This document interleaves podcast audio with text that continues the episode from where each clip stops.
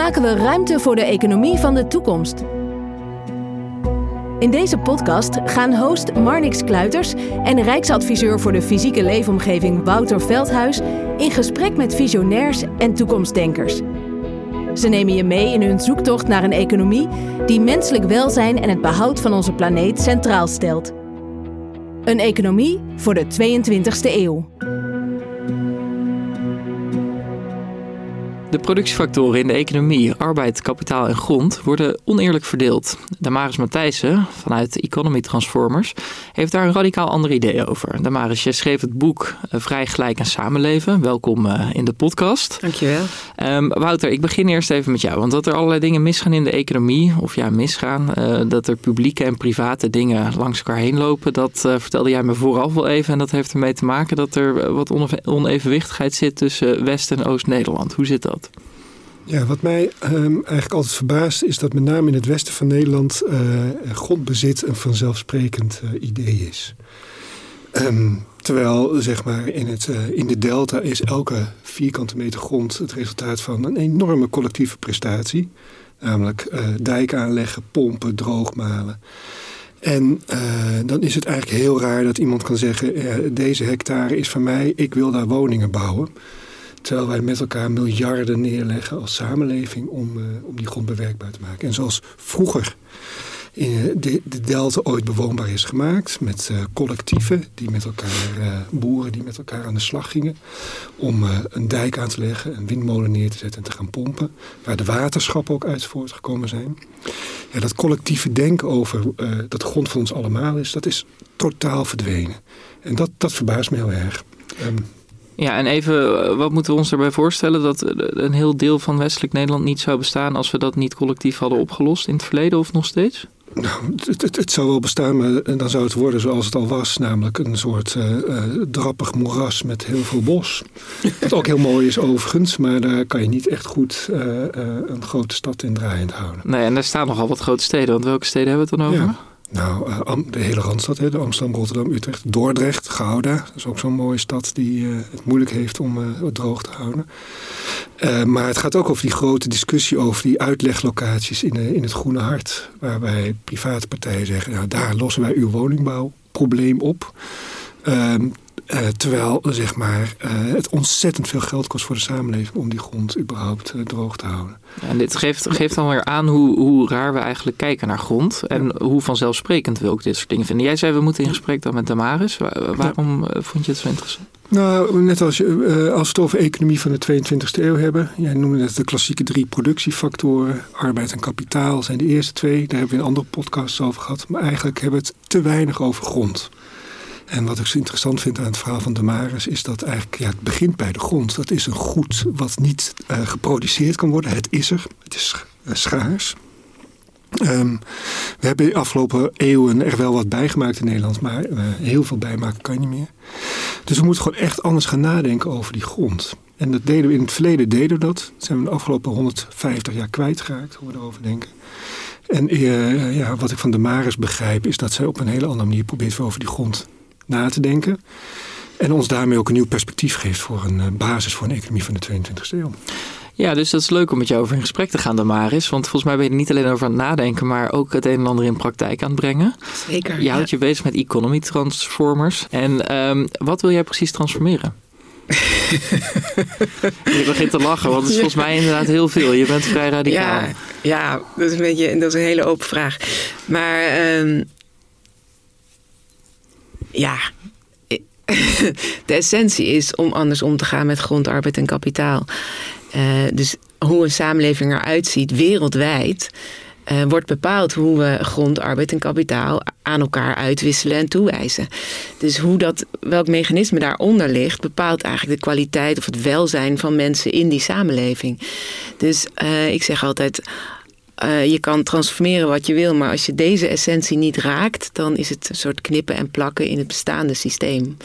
Dus dat is wel de essentie. En om dat te transformeren heb je heel wat, heel wat andere uh, bewustzijnsvergroting nodig of transformaties nodig. Dus dan gaat er, gaat er veel meer schuiven, zeg maar. Maar in essentie, als het over het, de structuur gaat, het systeem, we zeggen heel vaak moet het systeem veranderen. En volgens mij weet dan niemand echt waar dat over gaat. Van wat is dan het systeem? En, en de bottom line is, hoe verhandel je en of hoe, hoe wissel je grond, arbeid en kapitaal aan elkaar uit? Hoe gaat dat? Dat is de essentie van een systeem. Ja, jij hebt daar je eigen ideeën over. En um, wat ik wel interessant vind, jij zegt inderdaad, je hebt het in je boek ook over die knip- en plak oplossingen. Dat er heel veel uh, ja, systeemveranderingen zijn waarvan je zegt, ja, dat is niet de wezenlijke systeemverandering. Nee. Dan ben je nog steeds eigenlijk de randen aan het ver veranderen. Ja. Terwijl het grote probleem ligt in het verkeerd omgaan met die productiefactoren. Ja. Uh, kun je ons eerst even uitleggen, wat gaat er nou precies mis dan? Nou, in ons huidige. Dus er zijn eigenlijk maar grosso modo wereldwijd drie systemen overgebleven van hoe je met grond, arbeid en kapitaal om kan gaan. Eén is dat je het helemaal aan de markt overlaat. Uh, dus het oude Amerika, zeg maar. Je komt aan met een vlag in de grond, heb je, heb je het eigendomsrecht. Uh, en kan je, eigendom is het sterkste recht wat we kennen. Dus met, uh, ja, je kan doen en laten wat je wil met uitsluiting van anderen in feite. Uh, dus via de markt uitwissen, dat betekent gewoon een, zak met geld ook. Hè? Dus de, meest, de mensen met het meeste geld hebben gewoon de grond en doen daarmee wat ze willen. Uh, dan heb je de staat die grond, arbeid en kapitaal in handen heeft en toewijst. Het oude, uh, ja, um, Rusland nu, China, niet meer 100%, maar daar zitten wel nog steeds de meeste voorbeelden. En dat is wat meer de, de, de communistische de staat, kant, ja, maar ik communistische denk ook kant. maar staatskapitalistische kant Ja. vaak, hè? Ja. Ja, ja, dus dat is al een mengvorm. Uh, maar de, de, de, de, zuivere vorm is helemaal grond, arbeid en kapitaal in handen van de staat. Die bepaalt, oké, okay, jij gaat boten bouwen, op de, uh, jij gaat uh, spijkerbroeken maken met deze grondstoffen op dit stukje land enzovoort. Um, die economieën zijn heel goedkoop, want je hoeft geen geld te maken om in die productiemiddelen te handelen. En dan heb je de combinatie van deze twee. En dat is wat we in Europa kennen, het Rijnlandse model. Wat eigenlijk nog steeds de one and only op oplossing is. Dus uh, de combinatie staat en markt. Dat je hebt een vrije markt nog steeds voor de productiemiddelen. Maar die is aan banden gelegd of ingekaderd en, uh, door de staat die daar als het over grond gaat, bestemmingsplannen oplegt. Dus die bepaalt, nou, dit mag hier wel, dit mag hier niet.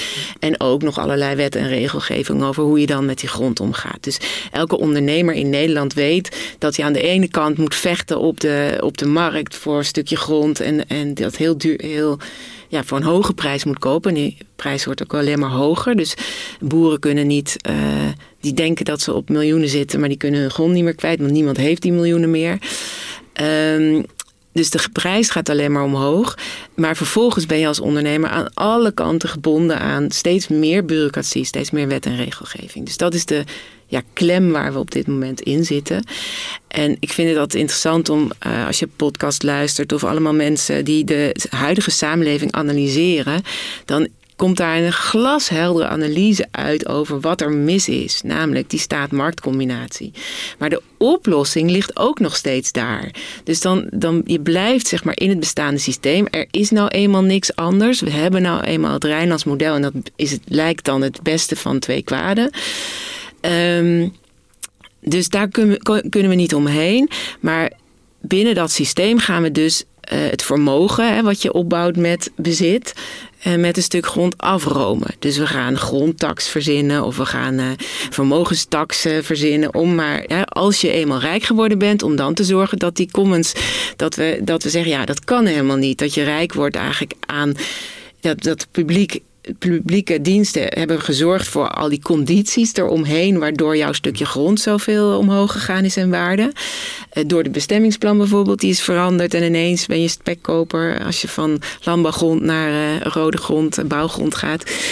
Um, ja, dus dat moeten we afromen. Dus ja. die, de oplossingen zitten ook in het systeem. Ja, want wat ik nog wel interessant vind, om even op die drie factoren in te gaan. Eigenlijk zijn dat de drie factoren waar je geld mee kan verdienen. Hè? Mhm. Dus als jij eigendom hebt, grond in eigendom hebt, grond is schaars. Dus mensen kunnen niet ergens anders nog meer grond vinden. Nee. Dan kun jij dat huren of verhuren en dan kun je er geld mee verdienen.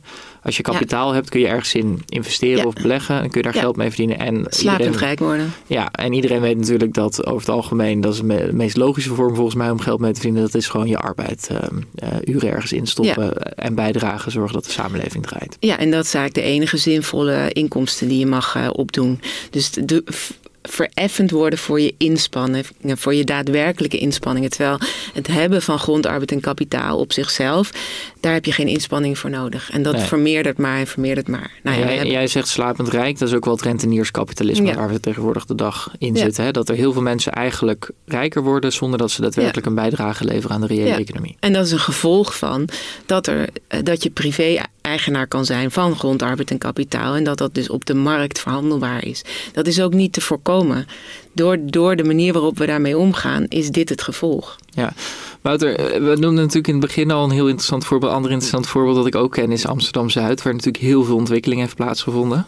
Um, als je daar natuurlijk, weet ik veel, een jaar of dertig geleden denk ik, of misschien wel vijftig jaar geleden een huisje gekocht had, dan is dat nu een veelvoud van de waarde waard. Ja. Zonder dat je er iets voor hebt gedaan. Herken jij dit soort situaties? Want je, ja, ja dat... ik, nou, ik, ik, woon zelf in Amsterdam, dus ik, eh, ik ben op papier heel rijk geworden. De vraag is inderdaad of iemand nog dit huis van me wil kopen, uh, wat ik ooit goedkoop gekocht heb. Dat is, dat is een tweede. Maar wat ik wel interessant vind bij Amsterdam-Zuid is eh, de discussie in Amsterdam. Uh, Amsterdam is nog een bijzondere uh, combinatie mm. van uh, het Rijnlands model. Namelijk er bestaat erfpacht.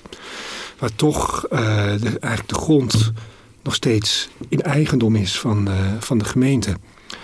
en tegelijkertijd je het kan huren hè, of pacht.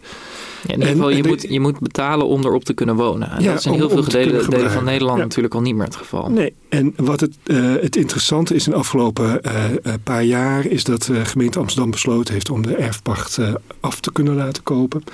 Eigenlijk onder uh, ja, uh, Amerikaanse krachten, dus de meer liberale kracht, zijn het toch belachelijk dat de gemeente geld vraagt voor die grond. Wij hebben die gekocht, het is van ons. Dus geef het nou maar. En toen heeft de gemeente Amsterdam eigenlijk gezegd, nou ja, erfpacht helemaal afschaffen vinden we ingewikkeld, maar we, we zeggen eeuwigdurend. en dat is eigenlijk een soort koop van die grond. Juridisch niet helemaal, maar in de praktijk wel. Maar dan wilden we wel deze prijs ervoor hebben. En toen hebben ze dus de marktwaarde van het van een paar jaar geleden als koopprijs voor die grond neergelegd. En toen zeiden alle eigenaars, ben je helemaal besodemiet, het zo duur is die grond niet. Uh, want ik kocht het in uh, eh, 1970 voor dit en dit. En dan zie je dus dat uh, iemand letterlijk slapend rijk is geworden op die grond. het, ook alle verdiensten van die kapitaalontwikkeling zich toerekent als zijn verdiensten. Ik heb het huis goed onderhouden, ik heb het toch gekocht. Terwijl de gemeente zegt, nou ja, dit, deze grond is vooral veel waard geworden omdat de stad zo goed onderhouden is. Het openbaar vervoer uh, op, op pijlen is gekomen. Het onderwijs beter is geworden. De werkgelegenheid Het is een successtory van 30 jaar stadsontwikkeling. Ja, en Amsterdam-Zuid is nu uh, weer één grote puinhoop... omdat het station weer helemaal geüpgrade wordt. Ja, Daar betalen ja. die mensen natuurlijk niet aan mee. Dat zijn publieke investeringen. Dat zijn publieke investeringen waar je dus eigenlijk via uh, de erfpacht wel aan meebetaalt. Maar daar, waar ze dus niet aan mee willen betalen, omdat ze het een te hoge prijs vinden. Ja. ja. Damaris, wat hier volgens mij speelt, is dat er een idee in ons hoofd zit dat het normaal is om grond in eigendom te hebben. Ja. Dat is ook waar de kern van jouw ja, betoog of verhaal ook over gaat. Hè? Dat ja. dat idee niet klopt. Nee. Nee, we hebben een achtdaagse training over eigendom. En, en het dus vernieuwen of transformeren van die gedachten. En, en in het bestaande systeem is dat ook je zekerheid.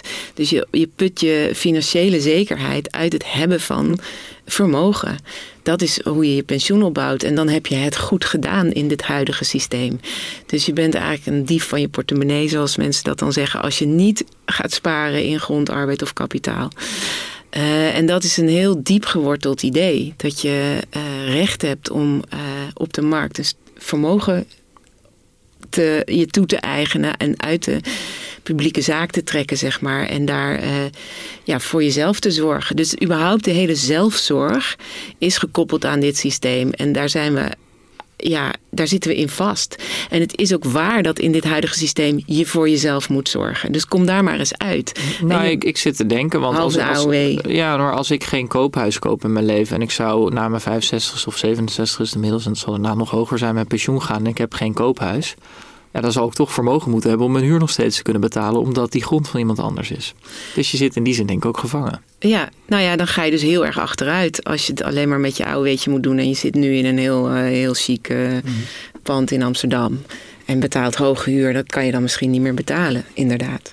Dus, um, dus je, zit, ja, je zit met je huidige uh, uitgavenpatroon, zit je vast in dit systeem. En um, ja, ik zeg altijd, we hebben verticale zelfzorg. Dus eigenlijk vanaf je 18, hè, dus banken trainen mensen ook om financieel geletterd te zijn. Dat gaat erover dat je je bewust bent dat je nu al nadenkt over 50 jaar, wat je dan op je rekening hebt om voor jezelf te zorgen. Dus en al dat geld wat, dus, wat jij nu gaat opzij leggen om later voor jezelf te zorgen, dat gaat die oude economie in, die beleggingseconomie, zeg maar, die pensioenfondsen, die die de hele zaak kaalvreten. Want die moeten allemaal 12% eh, renderen. Nou, waar kan dat? Uh, in, uh, in oude, dat kan alleen maar als je dus uh, leegtrekt. Hè? Als je, dus dat geld wat jij dan gaat apart leggen, doet hele verkeerde dingen in de huidige economie om voor jou later nog je, in je pensioen te voorzien. En dan mag je ook maar hopen dat het geldsysteem niet is ingeknald. Dus we, we beroepen ons op ja, een, zekerheid die er eigenlijk niet eens is, uh, vanuit het idee van zelfzorg. En dat is waar we in vastzitten. Dus de, uh, de stap om daar uit te stappen vraagt heel veel vertrouwen en het opbouwen van nieuwe zekerheden of nieuwe ja, horizontale zorg noem ik dat voor elkaar. Dus geld, uiteindelijk mag geld niet gaan oppotten bij mensen individueel die dus dat opsparen voor 50 jaar na dato.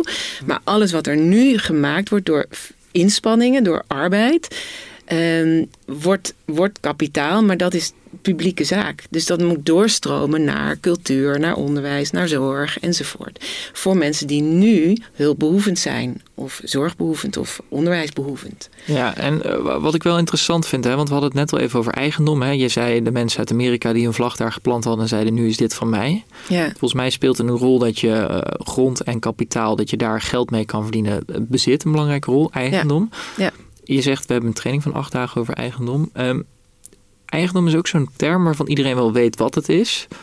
Maar heb jij daar nog iets aan toe te voegen? Moeten we daar nog iets beter begrijpen? Of, of kunnen we. Nou.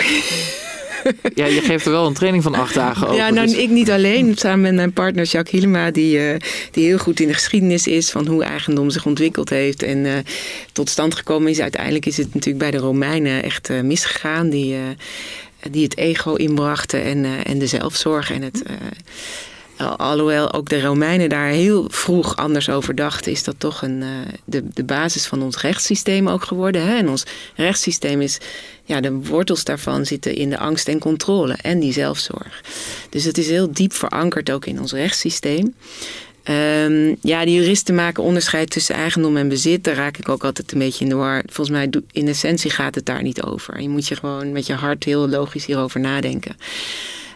Um, eigendom gaat, gaat gewoon over het private bezit van die productiemiddelen. En of je daar, uh, of je dat als middel gebruikt voor je inkomen. Versus dat je je inspant en, en, en, uh, en arbeid levert. Nou, dat is heel simpel te begrijpen. Ja. Doe je er iets voor of niet? Ja, en dat is wel interessant, want we hadden het dus al over slapend rijk worden. Daar willen we natuurlijk een beetje vanaf. Um, in jouw mm -hmm. boek haal je ook Bas van Bavel aan. Die heeft ja. daar een heel dik werk. Ik moet het nog eens lezen, maar dat staat wel heel lang op mijn lijstje over geschreven. Wat is de titel van het boek ook weer? De onzichtbare hand. Ja, en dat gaat ook heel erg hierover. Gaat heel erg hierover. Ja, hij, hij, hij zegt in een van de eerste pagina's ook letterlijk van hoe een samenleving eruit ziet, wordt bepaald door grondarbeid en kapitaal en de toewijzing en uitwisseling daarvan. En hij onderzoekt dus in de geschiedenis een aantal economieën die gebaseerd zijn op die liberale kapitalistische vorm. Dus de, de markt die de uitwisseling bepaalt. Um, ja, en dan krijg je hockeystick groei economieën. Hè. Dat gaat een tijdje heel goed en exponentieel goed. Dus de Gouden Eeuw van Antwerpen en Amsterdam eh, noemt hij als voorbeeld. En Florence heeft een aantal van die economieën die hij beschrijft. Um, maar dan krijg je dus die kapitaalophoping aan de bovenkant. Uh, van mensen die het voor het zeggen gaan krijgen. En dat holt uiteindelijk de democratie uit. Omdat het kapitaal is gewoon de sterkste kracht. Dus uh, mensen met geld, dat ga je dan zien dat, die, dat hun stem meer telt in de democratie dan mensen zonder geld. En dat gaat dan nog. Dus, dus eigenlijk worden dat decadente democratieën. En dat gaat dan nog zo'n tijdje door totdat het collapst. Totdat mensen onderaan de streep of aan de verkeerde kant van de streep zo boos worden dat, dat er gewoon protest komt. En ja, oproer. En, uh, en dan heb je die economie storten in elkaar. Ja, want en in feite zitten wij op zo'n uh, op zo'n exponentiële groei uh, die ja, elke keer een stukje afbrokkelt. Ja, want wat hij eigenlijk zegt is dat de, de eigendom hè, van grond en kapitaal dus in een heel klein groepje ja. terechtkomt. Ja. Waardoor eigenlijk, Elites. Ja. ja. waardoor eigenlijk het systeem uiteindelijk klapt. Ja. Uh, zien we dit ook vol, in, in, niet volhoudbaar. In, in, in, Nederland, Wouter? Dat, dat het, uh, ja, ik denk dat de grote ongelijkheid zeker waar is, maar ook de verdeling van grond. Kun jij daar nog iets over zeggen? Of? Ja, nee, juist ook de verdeling van grond. Uh, zeker in de agrarische sector. Wat ooit natuurlijk een heel fijn, uh, mazig eigendomsveld was, waar alle boeren eigen grond hadden. Dat, dat consolideert steeds meer tot een paar grote veehouders bijvoorbeeld. Die ook niet, en dat vind ik ook wel het interessant, aan die grond hangt vaak ook andere rechten. Dus je mag bepaalde stikstof uitstoten, of vroeger melkquota.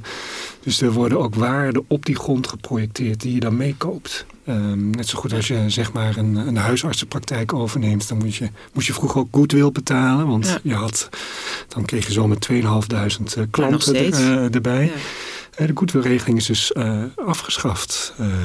Uh, ooit uh, bij, bij, bij de huisartsen. Ja, ja. Ja, okay. En daar kreeg je, dus dat, dat is misschien wel een aardig voorbeeld toevallig. Met mijn vader is, uh, was huisarts. En die heeft dus goodwill betaald voor zijn praktijk. Om, om hem over te kunnen nemen van zijn voorganger. Um, en toen werd het afgeschaft. Ja, en dan en toen, zit je met een gat. Die zat dus met een, echt met een pensioengat, letterlijk. Dus wat jij nu beschrijft hè, van die... Uh, dat je eigenlijk gegijzeld bent in een, in een systeem nu van uh, kapitaal opbouwen om te kunnen overleven. Um, ja, we, daar komen we natuurlijk niet uit. Als, uh, want ja, dat is het kenmerk van een gijzeling. Je moet ermee door om te kunnen overleven. Dus ik vraag me wel af, uh, de Maris, hoe dat dan ja, op die lange termijn. Hè? Dus wat wij zeggen van nou laten we even uh, die, uh, die gijzeling even nemen voor wat het is. Maar eerst maar even verder vooruit kijken. Ja. Waar willen we naartoe? Ja. Uh, om dan vervolgens terug te krijgen wat moeten we nu doen. Ja.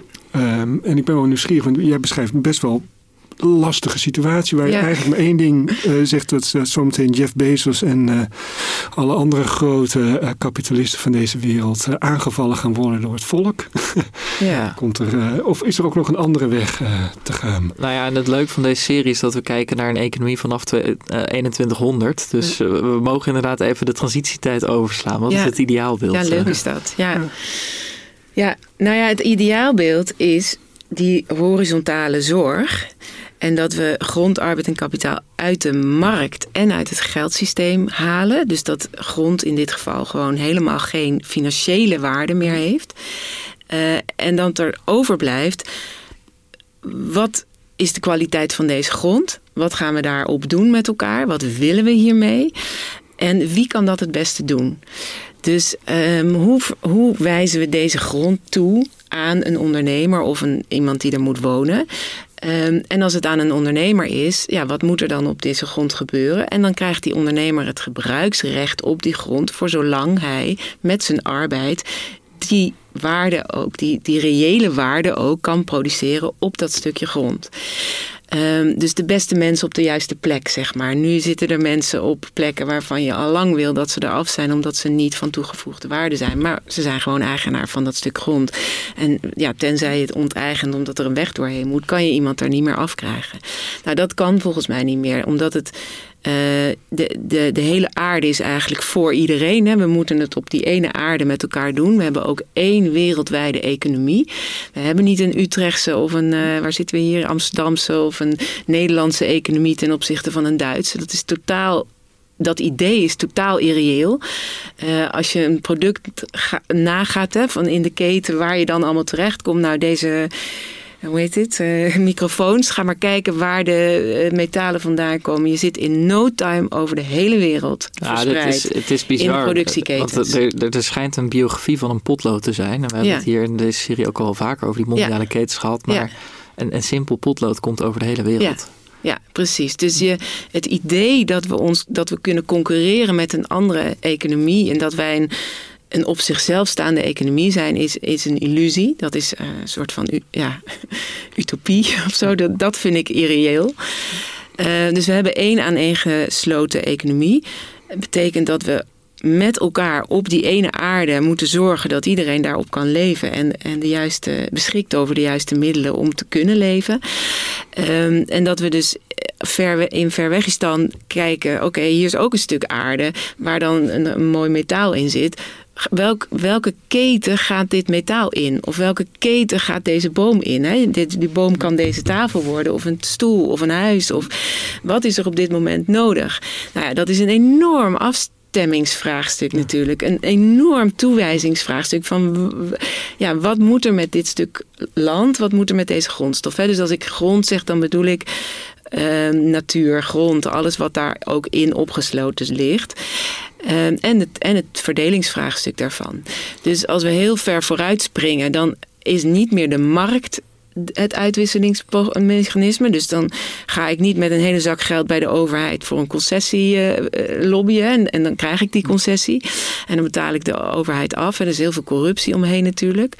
Het is ook niet bij de staat die van bovenaf dat moet gaan managen. Maar het is van onderop um, allerlei kluizen. Ik stel me voor dat, er, dat grond in verschillende kluizen is ondergebracht. Dus je krijgt regionale kluizen of, of misschien wel sectorkluizen. Dus uh, landbouwgrond zit in één kluis. Um, woongrond zit in een kluis. Uh, ja, want fietsfabrieken. Als, als, ik heel even tussendoor iets mag vragen. Ik heb ooit een, universiteit, of een college gezien van de Universiteit van Nederland, denk ik dat het was. En daar haalde iemand volgens mij aan dat, dat die zei: Ja, als je nou. Ik dacht dat het voorbeeld ging over truien. Die zei. Je hebt ooit een staat gehad die ging bepalen hoeveel truien, want je had het net over wat er nodig is, ja. hoeveel truien er nodig waren er voor de bevolking. Ja. En hij zei ja, vervolgens zaten ze met heel veel truien die niet, uh, niet gebruikt waren omdat een, overheid helemaal niet kan inschatten Nee. hoeveel vraag er is. Nee. Dus hij zei, nou dan moet je de vrije markt hebben. Want in een vrije markt eh, worden alleen de producten afgenomen. Ehm, die nodig zijn. Want anders gaat niemand produceren. Want dan, Ja. dan ga je uiteindelijk failliet.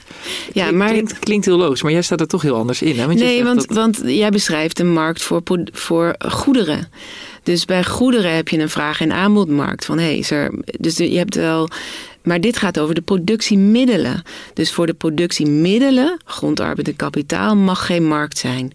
Eh, maar voor de goederen is een, is een markt een heel logisch eh, mechanisme. En is ook eigendom heel logisch. Je wil, als je een spijkerbroek gekocht hebt, wil je niet eh, over een, een maand alweer nadenken: mag ik die wel houden of niet? Je, die draag je gewoon af, die mag je hebben, eh, bezitten. Ja, en mijn tas staat hier ook met een laptop op de gang. Ja, die mag Ik je bezitten. fijn vinden als Wouter zegt, joh, ik Nee. neem nu even mee. Nee, precies. precies. Dus, Dus, dit gaat over. Dus je moet onderscheid maken tussen goederen en productiemiddelen.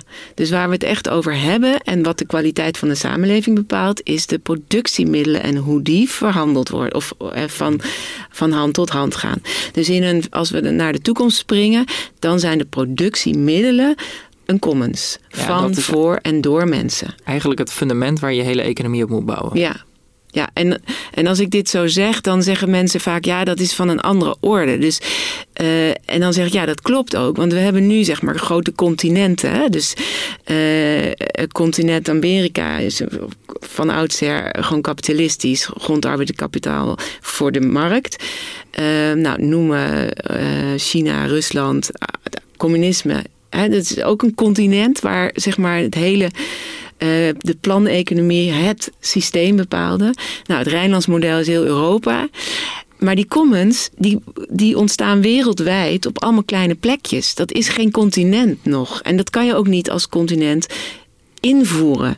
Want zodra je het gaat invoeren, zit je alweer in een staatsgedachte van bovenaf dat te organiseren. Terwijl van voor en door mensen moet van onderop komen. Moet van voor en door mensen zijn. En vanuit vertrouwen en liefde, om die woorden maar eens te gebruiken. Dus eigenlijk wat de, de, de continent of de systemen die we nu gebouwd hebben, is vanuit angst en controle en vanuit zelfzorg. Maar dat nieuwe, die commons, die kunnen, die kunnen alleen maar ontstaan als we het willen. We moeten het zelf gaan doen. We moeten zelf bewuster worden over. Hey, hoe gaan we hiermee om en wat is een ideale samenleving? En hoe kan ik daar stapje voor stapje nu al aan bijdragen? Dus die commons is niet van bovenaf in te voeren, want dan heb je meteen weer een staatstoewijzing. Ja, en jij noemt nu al heel vaak het woord commons. Zou je nog iets meer kunnen vertellen over wat dat nou precies is? Ja, uh, er als je gaat googlen heb je daar honderdduizend ideeën over. Ehm, en wordt het voor mij ook heel vaag en kan, kan je er van alles over vinden. En wat ik nu merk is dat Commons ook heel vaak gebruikt wordt als labmiddel in ons Rijnlands model. Dus we hebben een marktfalen en een staatsfalen. En we zijn allemaal heel boos op en de markt en de staat. En dan zien we stukjes braakliggende gronden die dus een bestemmingsplan hebben. En die, uh, um, en die wachten op een projectontwikkelaar, maar die wacht op een wijziging of die, die kan er niks mee. Want, nou, er zitten heel veel stukjes grond vast. Daar gebeurt niks mee. Daar zijn we allemaal boos over. En dan gaan we dat tot commons maken. Dus we zeggen van ja, die gemeenschap moet eigenlijk een derde speler worden in het spel tussen vrije markt en staat. Uh, dus we, we, we, we, voegen hem als het ware een soort in het bestaande systeem.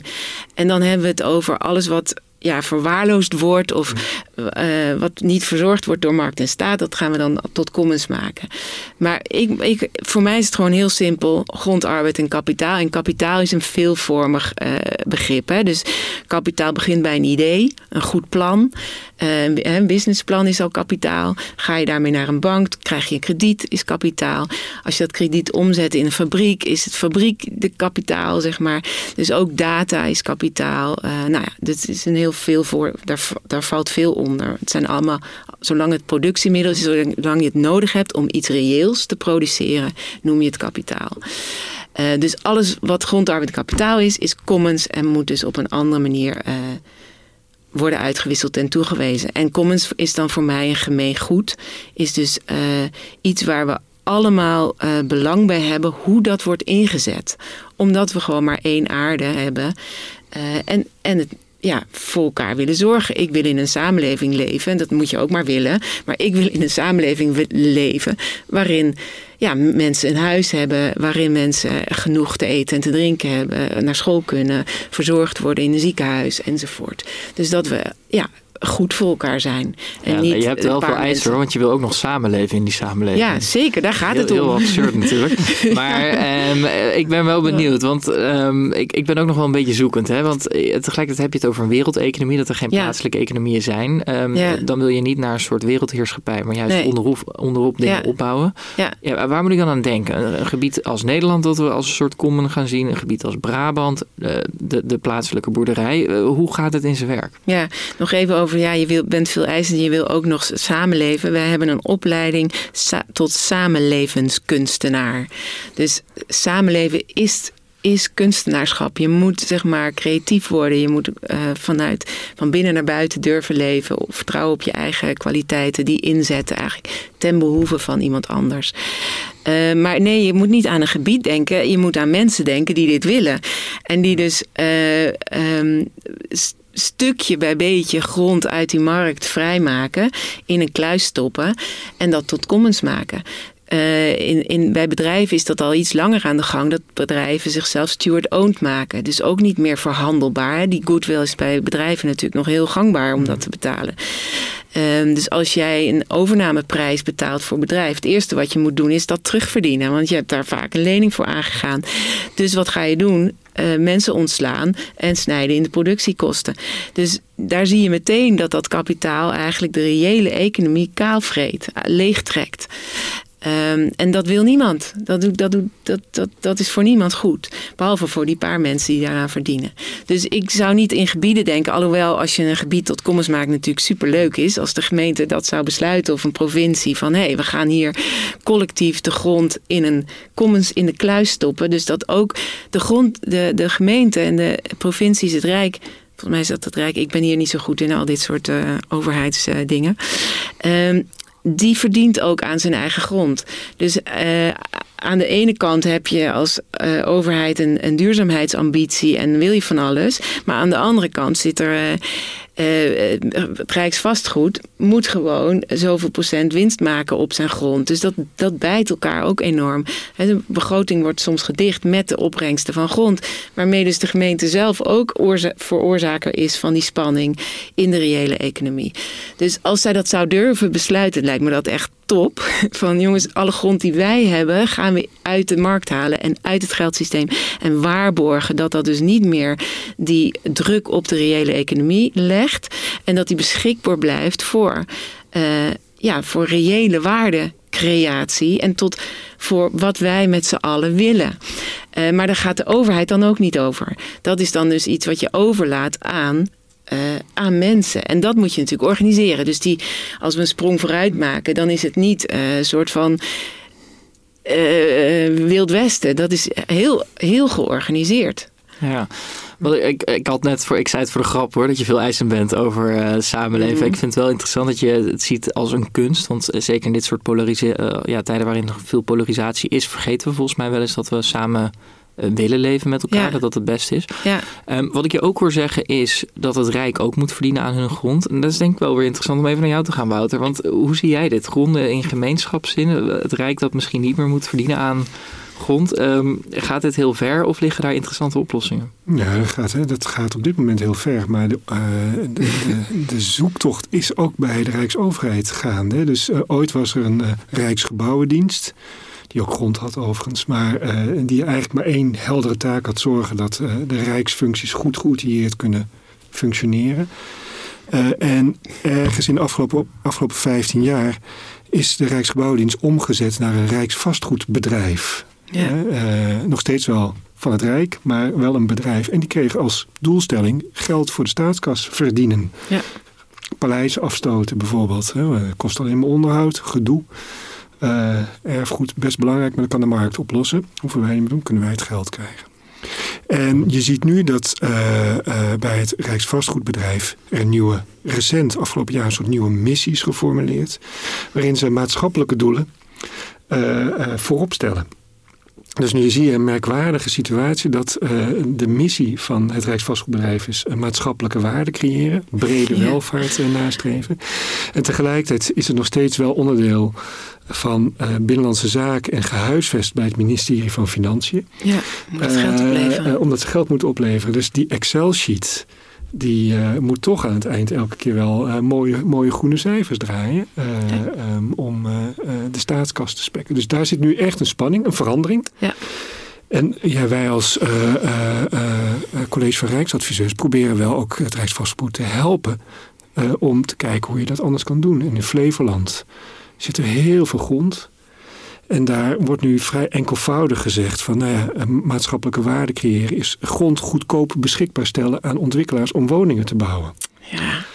Want het is ook de meest vruchtbare grond van ja, Nederland ongeveer. Uh, ja. ja. de boeren zijn daar heel ja. boos. Terwijl jij volgens mij ook zegt, uh, daar is van ja, je moet eigenlijk veel meer kijken naar wat er eigenlijk allemaal in die grond zit opgesloten aan waarde. Mm -hmm. uh, en eerst daarover hebben voordat je een enkelvoudig doel als maatschappelijk probleem woningtekort oplossen, Absoluut. oplost. Dus die discussie speelt nu heel erg in Den Haag. En um, uh, daar zijn we nog lang niet uh, uh, mee klaar. En mag ik daar iets over zeggen, Wouter? Ja, dit, dit, sluit rechtstreeks aan op wat je zei over wat er nodig is. Maar ik, ik weet niet wat jij wil zeggen. Nou, dat er dus een, een tendens is elke keer het boek heet Vrij Gelijk Samen. Hè? Dus ik ben uh, Vrij Gelijk Samenleven. Wegwijzer naar een mens- en aardewaardige samenleving. Um, wat ik wil zeggen is dat uh, als grond in de markt zit, dan is het eigenlijk te veel vrij. Dat levert dus hele grote problemen op. Uh, winnaars en verliezers. Uh, en dat gaan we zien. En uitbuiting van de grond en van de mensen. Dus te veel vrij daar komen we allemaal dan op een gegeven moment van terug. En dan gaat het terug naar de staat. Dus je hebt periodes van 10, 20 jaar waarin er meer marktdenken is. En daar komen we dan op terug van, oh, dit gaat, gaat mis. Die bedrijven die, uh, die doen daar hun eigen ding mee. En de publieke zaak is daar niet mee gediend. Oh, we moeten daar weer meer greep op krijgen. En dan gaat het weer terug naar de staat. Eigenlijk weer te veel samen. Dus te veel vrij, te veel samen. Te veel vrij, te veel samen. Omdat dat te veel samen ook niet van bovenaf opgelegd kan worden. En ook niet het juiste toewijzingsmechanisme is. Dat zit in dat systeem dat dat niet kan. Dus dan wordt het antwoord weer: oh, daar hebben we toch weer meer markt voor nodig. En dan ga je weer, zwiep je weer terug naar de markt. Dus dat is zo'n slinger van de klok die van de een naar de ander slingert. Dus we zitten nu in zo'n periode dat te veel markt. Uh, te veel schade berokkent en dat de overheid zich achter de oren krabt. Oh god, we hebben alles geprivatiseerd. Hoe krijgen we. We hebben, kunnen, we hebben eigenlijk geen macht meer, want dat private eigendom is zo sterk. We kunnen eigenlijk onze duurzaamheidsdoelen niet meer afdwingen. Dus we moeten weer meer naar de staat. En eigenlijk hoop ik, en, en daar, ik vind het echt superleuk dat je me vraagt om hier eh, de in de podcast te zijn. Dat jullie ook die uh, vierde weg, dus de derde weg is staat-markt combinatie, maar de vierde weg commons, dat dat iets is wat jullie aan het denken zet. En waar jullie uh, ja, meer gaan pionieren. Want je kan natuurlijk kleine stukjes grond in handen van een kluis leggen en daar een community land trust omheen bouwen. Hè? Dus het begin maken van nieuwe uh, zeggenschapsstructuren, hoe je die toewijzing doet als je het bij mensen houdt. Dus, dus dat je dat ook loslaat als overheid. En de overheid heeft natuurlijk uh, heeft eigenlijk veel te veel taken naar zich toegetrokken. Um, vanuit zorg, uh, met goede intenties. Maar, maar het, het, gaat niet. Het werkt niet om, dat, om grondarbeid en kapitaal op die manier toe te wijzen. Dus om te gaan pionieren met plekken waar je zegt: oké, mensen, laten we hier eens kijken wat er van onderop kan ontstaan. En wat er we dan in Flevoland willen. En wie moet daar allemaal over gaan. Hè? Bij Community Land Trust, uh, wij noemen dat dan drievoudig eigenaarschap. Heb je drie eigenaren als het ware. Je hebt de juridisch eigenaar, daar zit de grond in de kluis voor 0 euro. Uh, dus die, ergens moet dat verlies genomen worden. Moet de grond geschonken worden voor 0,1 euro. Of moet je het verkopen, want je mag grond niet eens schenken. Um, en daar betaal je dan ook wel overdrachtsbelasting voor. Dus dat moet je allemaal nemen als uh, pioniers. Dan heb je de economische eigenaren. Dat zijn eigenlijk de vruchtgebruikers. De belanghebbenden bij die grond. Dus dat is de gemeenschap. Dat zijn ook de buren die ernaast wonen. Want die hebben ook belang bij hoe er met die aarde wordt omgegaan. Nu heb je een biologische boer. En daarnaast zit een niet-biologische boer. Nou reken maar dat die last van elkaar hebben. Dus uh, buren zijn belanghebbend. Waterschap, gemeente. Uh, maar ook ja, als hier een veld aardappels is, wie, wie eet die aardappels? Waar gaat die heen? Zeg maar. Dus dit, dat, dat gebied van belanghebbenden is best groot. Dus die moet je organiseren. En dan heb je de creatief eigenaren. Dat is degene die op de grond het gebruiksrecht krijgt. Dus die, is, die kan natuurlijk ook niet de volgende dag eraf gezet worden. Die moet daar echt wel uh, veiligheid uit, aan ontlenen. Dat hij, als hij die taak heeft gekregen om die aardappels te telen, dat hij dat ook mag doen voor zolang die zich houdt aan de voorwaarden die met, die, met, die gebruiks, uh, met dat gebruiksrecht gepaard gaan. Dus als een overheid daarmee gaat pionieren, lijkt me echt superleuk. Dus op, bij deze oproep voor de ambtenaren die luisteren, ja, dat, dat, meld je. Dat, dat, ligt bij Wouter, waar ik wel even benieuwd ben. Hè? Want jij schetst nu best wel een leuk voorbeeld. Uh, We gaan het even hebben over aardappels. Um, want we zitten nu in een situatie waarbij die boer um, de grond uh, moet betalen. Dus die heeft daar denk ik een hypotheek op, dan betaal je rente. Ja. Waardoor uiteindelijk de aardappels duurder zijn. Want dat moet allemaal in die kostprijs zitten. Dus waar je eigenlijk voor pleit is dat er de geldstromen anders gaan, waardoor uiteindelijk het eten goedkoper wordt. Ja, absoluut. Ja, er zit alleen maar de, de, de juiste prijs voor mij is uh, de prijs die zorgt dat iedereen vereffend wordt die een inspanning geleverd heeft aan de totstandkoming van die aardappel. Niet meer en niet minder. Hoe klinkt dat, Wouter? Ja, klinkt uh, uh, super simpel en duidelijk. Ja. ik, ik, denk dan wel, ja, ja, hoe kom je over die drempel heen? Hè? Ja. Dus hoe, hoe, gaat die boer... Uh, ja.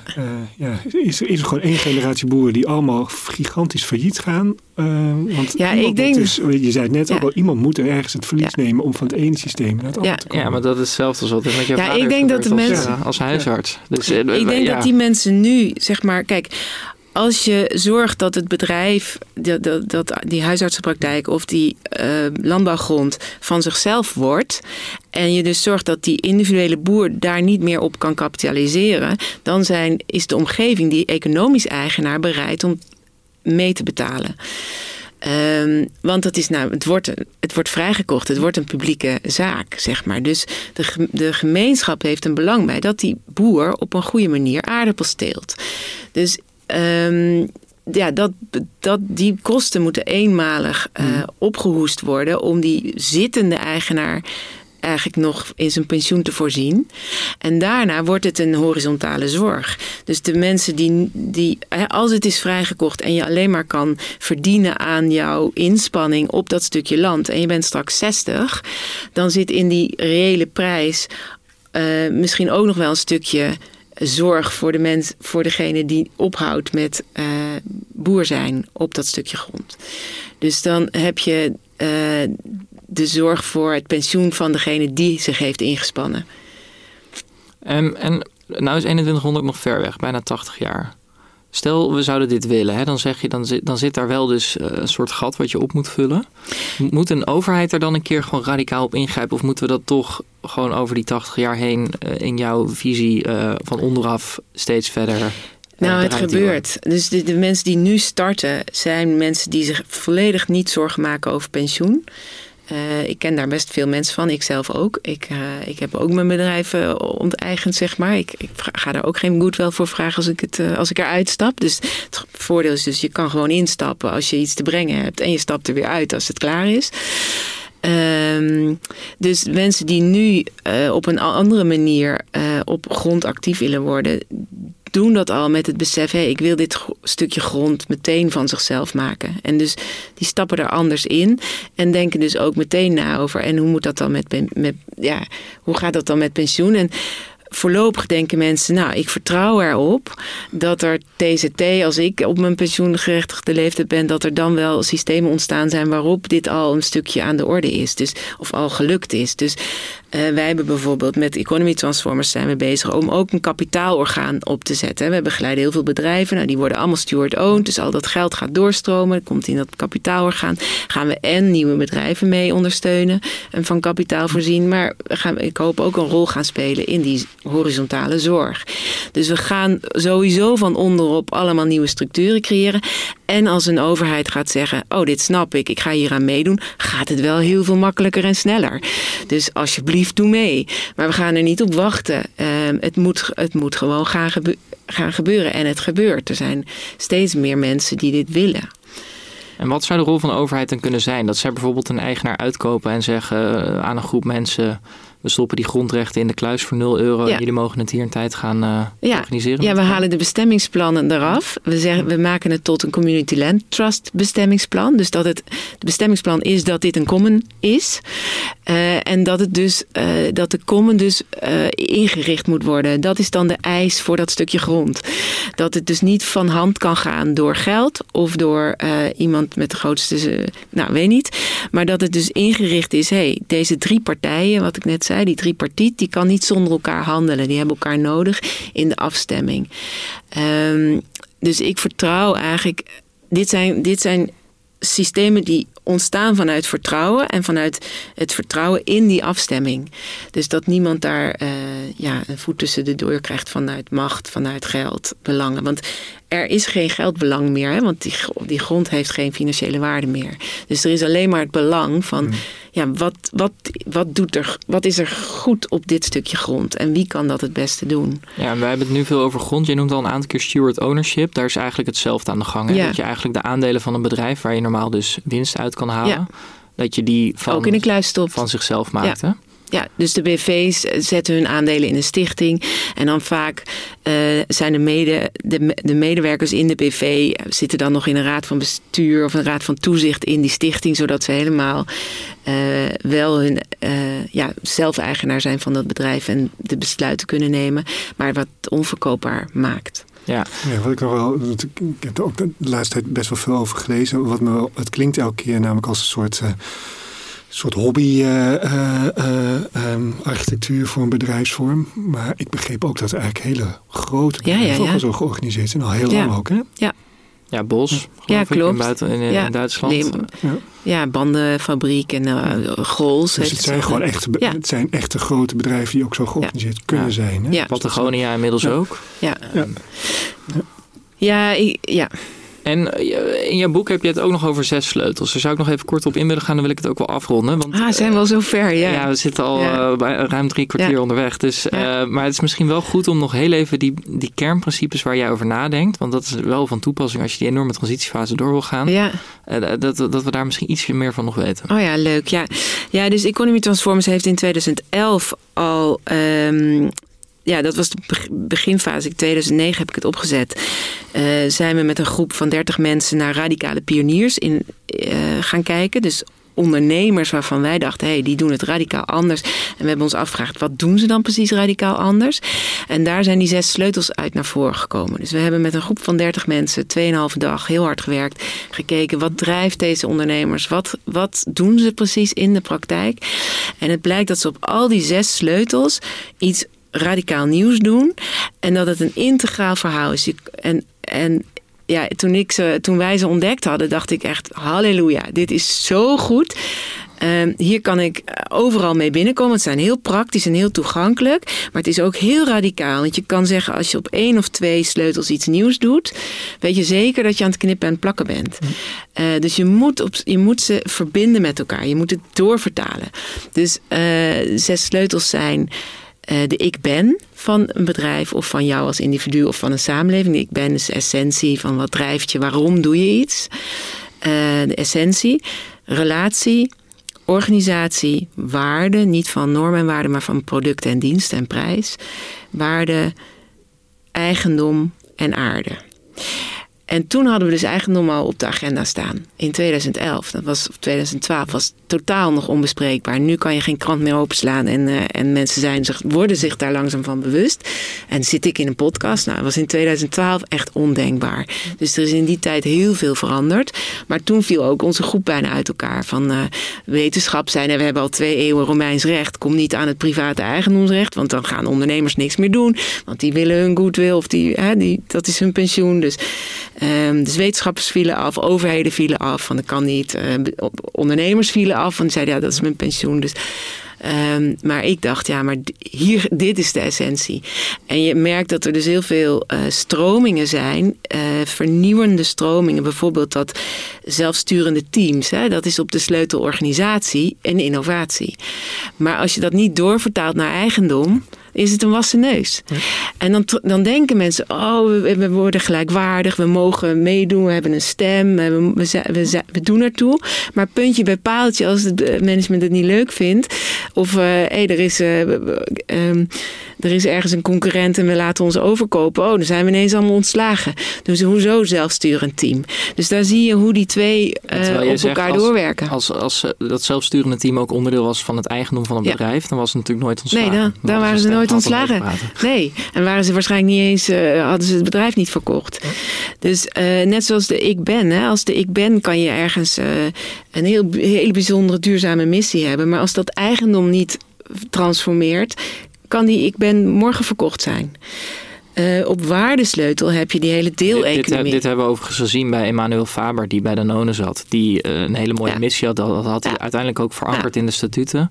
Vervolgens waren er twee activistische aandeelhouders die zeiden... ja, wij hebben toch wat meer van dat eigendom. Tot ziens, we sturen je de laan uit. Ja, precies. Zie je, nou, zie je met al die start-ups die hele mooie intentie hebben. Nee, we gaan daar goed voor zorgen. Nou, dan mag de baas nog een jaar aanblijven... en dan wordt hij ontslagen en dan is het helemaal ingekapseld. Zou je nog eens één keer alle zes kunnen noemen? Dan ga ik daarna ja. voor de afsluiten. Of, of, oh ja, nog even ja, die waardesleutel. Ja. Want dat is zeg maar uh, dus producten, diensten. Daar heb je die hele circulaire economie als innovatie en de deeleconomie. Maar ook die, als je die niet doorvertaalt naar eigendom, is dat ook uh, niet volledig. Dus de Ubers en de Airbnb's hebben heel lang gevaren op de deeleconomie. Iedereen vond, oh, trok heel veel idealisten eigenlijk die daarin meegingen. Totdat je ja, achter de schermen gaat kijken. Oh, maar dat eigendom is gewoon vet kapitalistisch.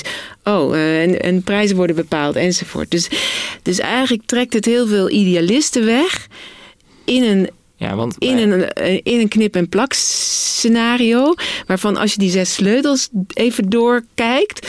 Je meteen weet, oh maar wacht even. Hier zit de essenties of de intentie is niet helemaal uh, rond zeg maar. En ja, dan, want uh, als je het nou hebt over een waardevol product. Dan leveren Uber en Airbnb denk ik allebei prima waarde. Want er zijn heel veel mensen die daar blijven worden. Maar ja. voor als samenleving als geheel kun je nee. een grote vraag Ja, precies. Precies. En dan dus, onttrekt het heel veel waarde. Ja. Dus nog even in de uh, herhaling.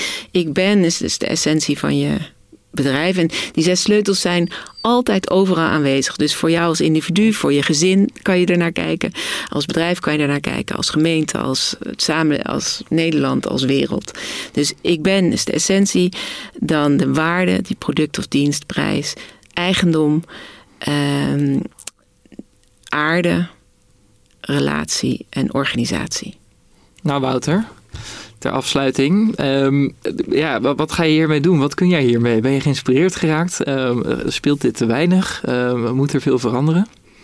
Er moet veel veranderen, maar ik vind het, uh, wat ik wel heel mooi vind aan dit verhaal, is dat het eigenlijk echt wel over de fundamenten ook van ons, ons, ons samenleven gaat. Hè? Of, of het leven met de planeet in de breedste zin uh, van het woord. Nou, ik heb zelfs samenleven als kunst horen. Ja, ja. en uh, het zijn drie begrippen waar ik ook al uh, heel lang aan vasthoud. Is dat we hard moeten werken aan vertrouwen, hard moeten werken ja. aan gemeenschapsvorming. Ja. En dat er dan ook dan heel veel wederkerige relaties gaan ontstaan. Maar dat begint dus inderdaad bij dat vertrouwen. En wat ik het allermoeilijkst vind op dit moment is dat natuurlijk vanuit het Rijks, vanuit de overheid, we eigenlijk een, een, een apparaat hebben opgebouwd die uh, stuurt op wantrouwen. Ja. Uh, stuurt op uh, de toeslagenaffaire is daar een heel mooi voorbeeld van. Ja. Maar het gaat ook over hoe we met de boeren omgaan. Het gaat eigenlijk over met hoe we met iedereen omgaan. Het is allemaal vanuit sancties en wantrouwen gestuurd in plaats van vertrouwen. Dus uh, uh, we moeten echt hard werken aan dat de overheid weer uh, vertrouwen geeft en ja. dus ook vertrouwen krijgt. En wat ik eigenlijk het allerbelangrijkste les die ik nu leer is van vanuit de Rijksoverheid gedacht wil je natuurlijk met grote plannen voor de toekomst komen. Maar de boodschap die jij hier nu geeft Maris is van ja, uh, uh, grootste plannen door heel veel kleine dingen te doen met uh, mensen en plekken. Ja. En dat is wel de kern ook waar ik heel warm van word, want dat is ook ja. mijn vak, hè, stedenbouw. Ja. Is het oorspronkelijk niet stedenbouw, maar het was ooit het woord stedenbouw. Maar bij de taalhervorming ergens in de jaren negentig is er een N toegevoegd, net zoals bij pannenkoek is het pannenkoek geworden. Maar stedenbouw betekende plek maken. Ja plekken creëren. Ja. Een, een, een haardstede is de plek uh, ja. uh, uh, waar je je thuis voelt. Dus ja. plek maken waar je thuis voelt.